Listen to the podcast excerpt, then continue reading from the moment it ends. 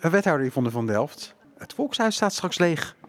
Het Volkshuis is natuurlijk echt een prachtig pand. En tegelijkertijd staat het ook voor een deel van de tijd leeg en drukt het wel op de exploitatiekosten van B C. Dus ik heb begrip voor de keuze die ze gemaakt hebben. Maar vervolgens gaan we natuurlijk kijken wat, we, uh, ja, wat voor mooie functie we in het uh, pand uh, terug kunnen brengen. Ja, want u heeft wel een gigantisch pand in het centrum van Leiden dat leeg komt te staan. Heeft u al enig idee wat er gaat gebeuren? Nee, we hebben wel eerder onder andere met het Drukkerfonds uh, daarover gesproken. Hè? En we hebben ook wel met potentiële partijen gesproken. Maar het was gewoon belangrijk dat P plus C ook een keuze zou maken. En dat hebben ze nu gedaan, dus we kunnen nu weer door. We hebben ruim anderhalf jaar de tijd om daar naar te kijken. En uh, nou, ik denk dat het ook weer nieuwe kansen biedt. Hoe belangrijk is B plus C voor uh, de inwoners van Leiden? Ik denk dat P plus C ontzettend belangrijk is. Het is namelijk de plek waar eigenlijk iedereen komt. Of je nou jong bent, oud, uh, of je nou gestudeerd hebt, of dat je uh, niet gestudeerd hebt, of je een digitale vraag hebt. Iedereen komt daar. En dat is zo belangrijk, zowel uh, in de centrumvestiging, maar natuurlijk ook in de wijken. En ik ben heel blij met de plannen om juist ook te kijken op de plekken waar nu nog geen vestiging zit. Hoe ze kunnen samenwerken met andere partijen. Zuidwest is daar al in genoemd. Dus ik denk dat dit een plek is waar je met al je vragen naartoe kan. die een belangrijke rol spelen ook in het tegengaan van lage letterdheid. Die plezier bij mensen in het lezen kan terugbrengen. Uh, maar ook de discussie aan kan gaan. Hè, als er discussies zijn in de samenleving, uh, groepen die elkaar zouden moeten kunnen leren kennen.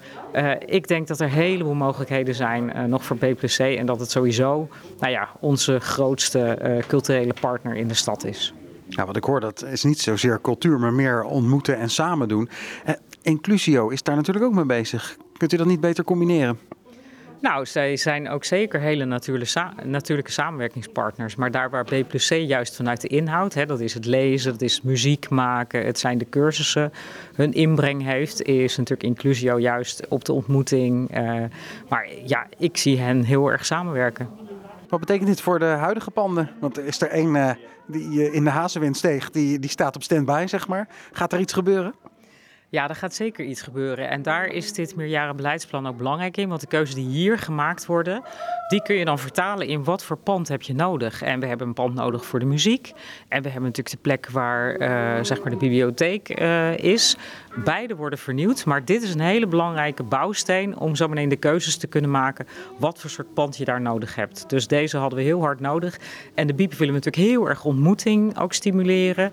Uh, en zo'n digitaal informatiepunt vormgeven. Mensen moeten echt binnen kunnen lopen, zich welkom kunnen voelen. Uh, en voor wat betreft de muziekschool uh, willen we juist de samenwerking ook met uh, de Stadsgehoorzaal en natuurlijk de Schouwburg willen we ook juist belangrijk maken, zodat het veel aantrekkelijker wordt om daar te komen. Dat gaat vast ook flink wat kosten. Is daar wel genoeg geld voor? Nou, op dit moment nog niet. Ik heb natuurlijk eerder aan de gemeenteraad gevraagd, als we dit gaan doen, en we vinden dit belangrijk, want we hebben namelijk voor het laatst iets in 1983 aan de bibliotheek gedaan qua investeringen. Bent u dan bereid om ook te kijken, uh, uh, ja, om daarin te investeren? En daar was in principe het antwoord ja op. Geen carte blanche, moet ik erbij zeggen. Hè, mij is gevraagd van kom dan met plannen, die ben ik nu aan het uitwerken. En daar is dit een belangrijke bouwsteen in om te kiezen wat we gaan doen.